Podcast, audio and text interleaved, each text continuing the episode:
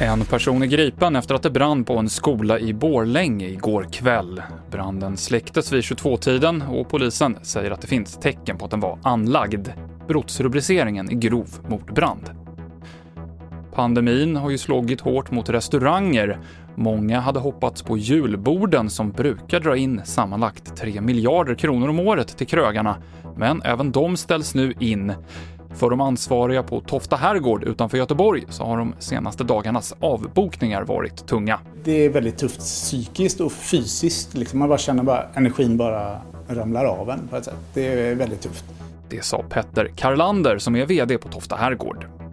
Och USAs tillträdande president Joe Biden har brutit foten. Han halkade när han lekte med sin hund i helgen och man trodde den var stukad, men röntgen visade på tunna sprickfrakturer och Bidens läkare säger att 78-åringen lär bli tvungen att använda plaststövel de kommande veckorna. Det här var TV4 Nyheterna med Mikael Klintevall.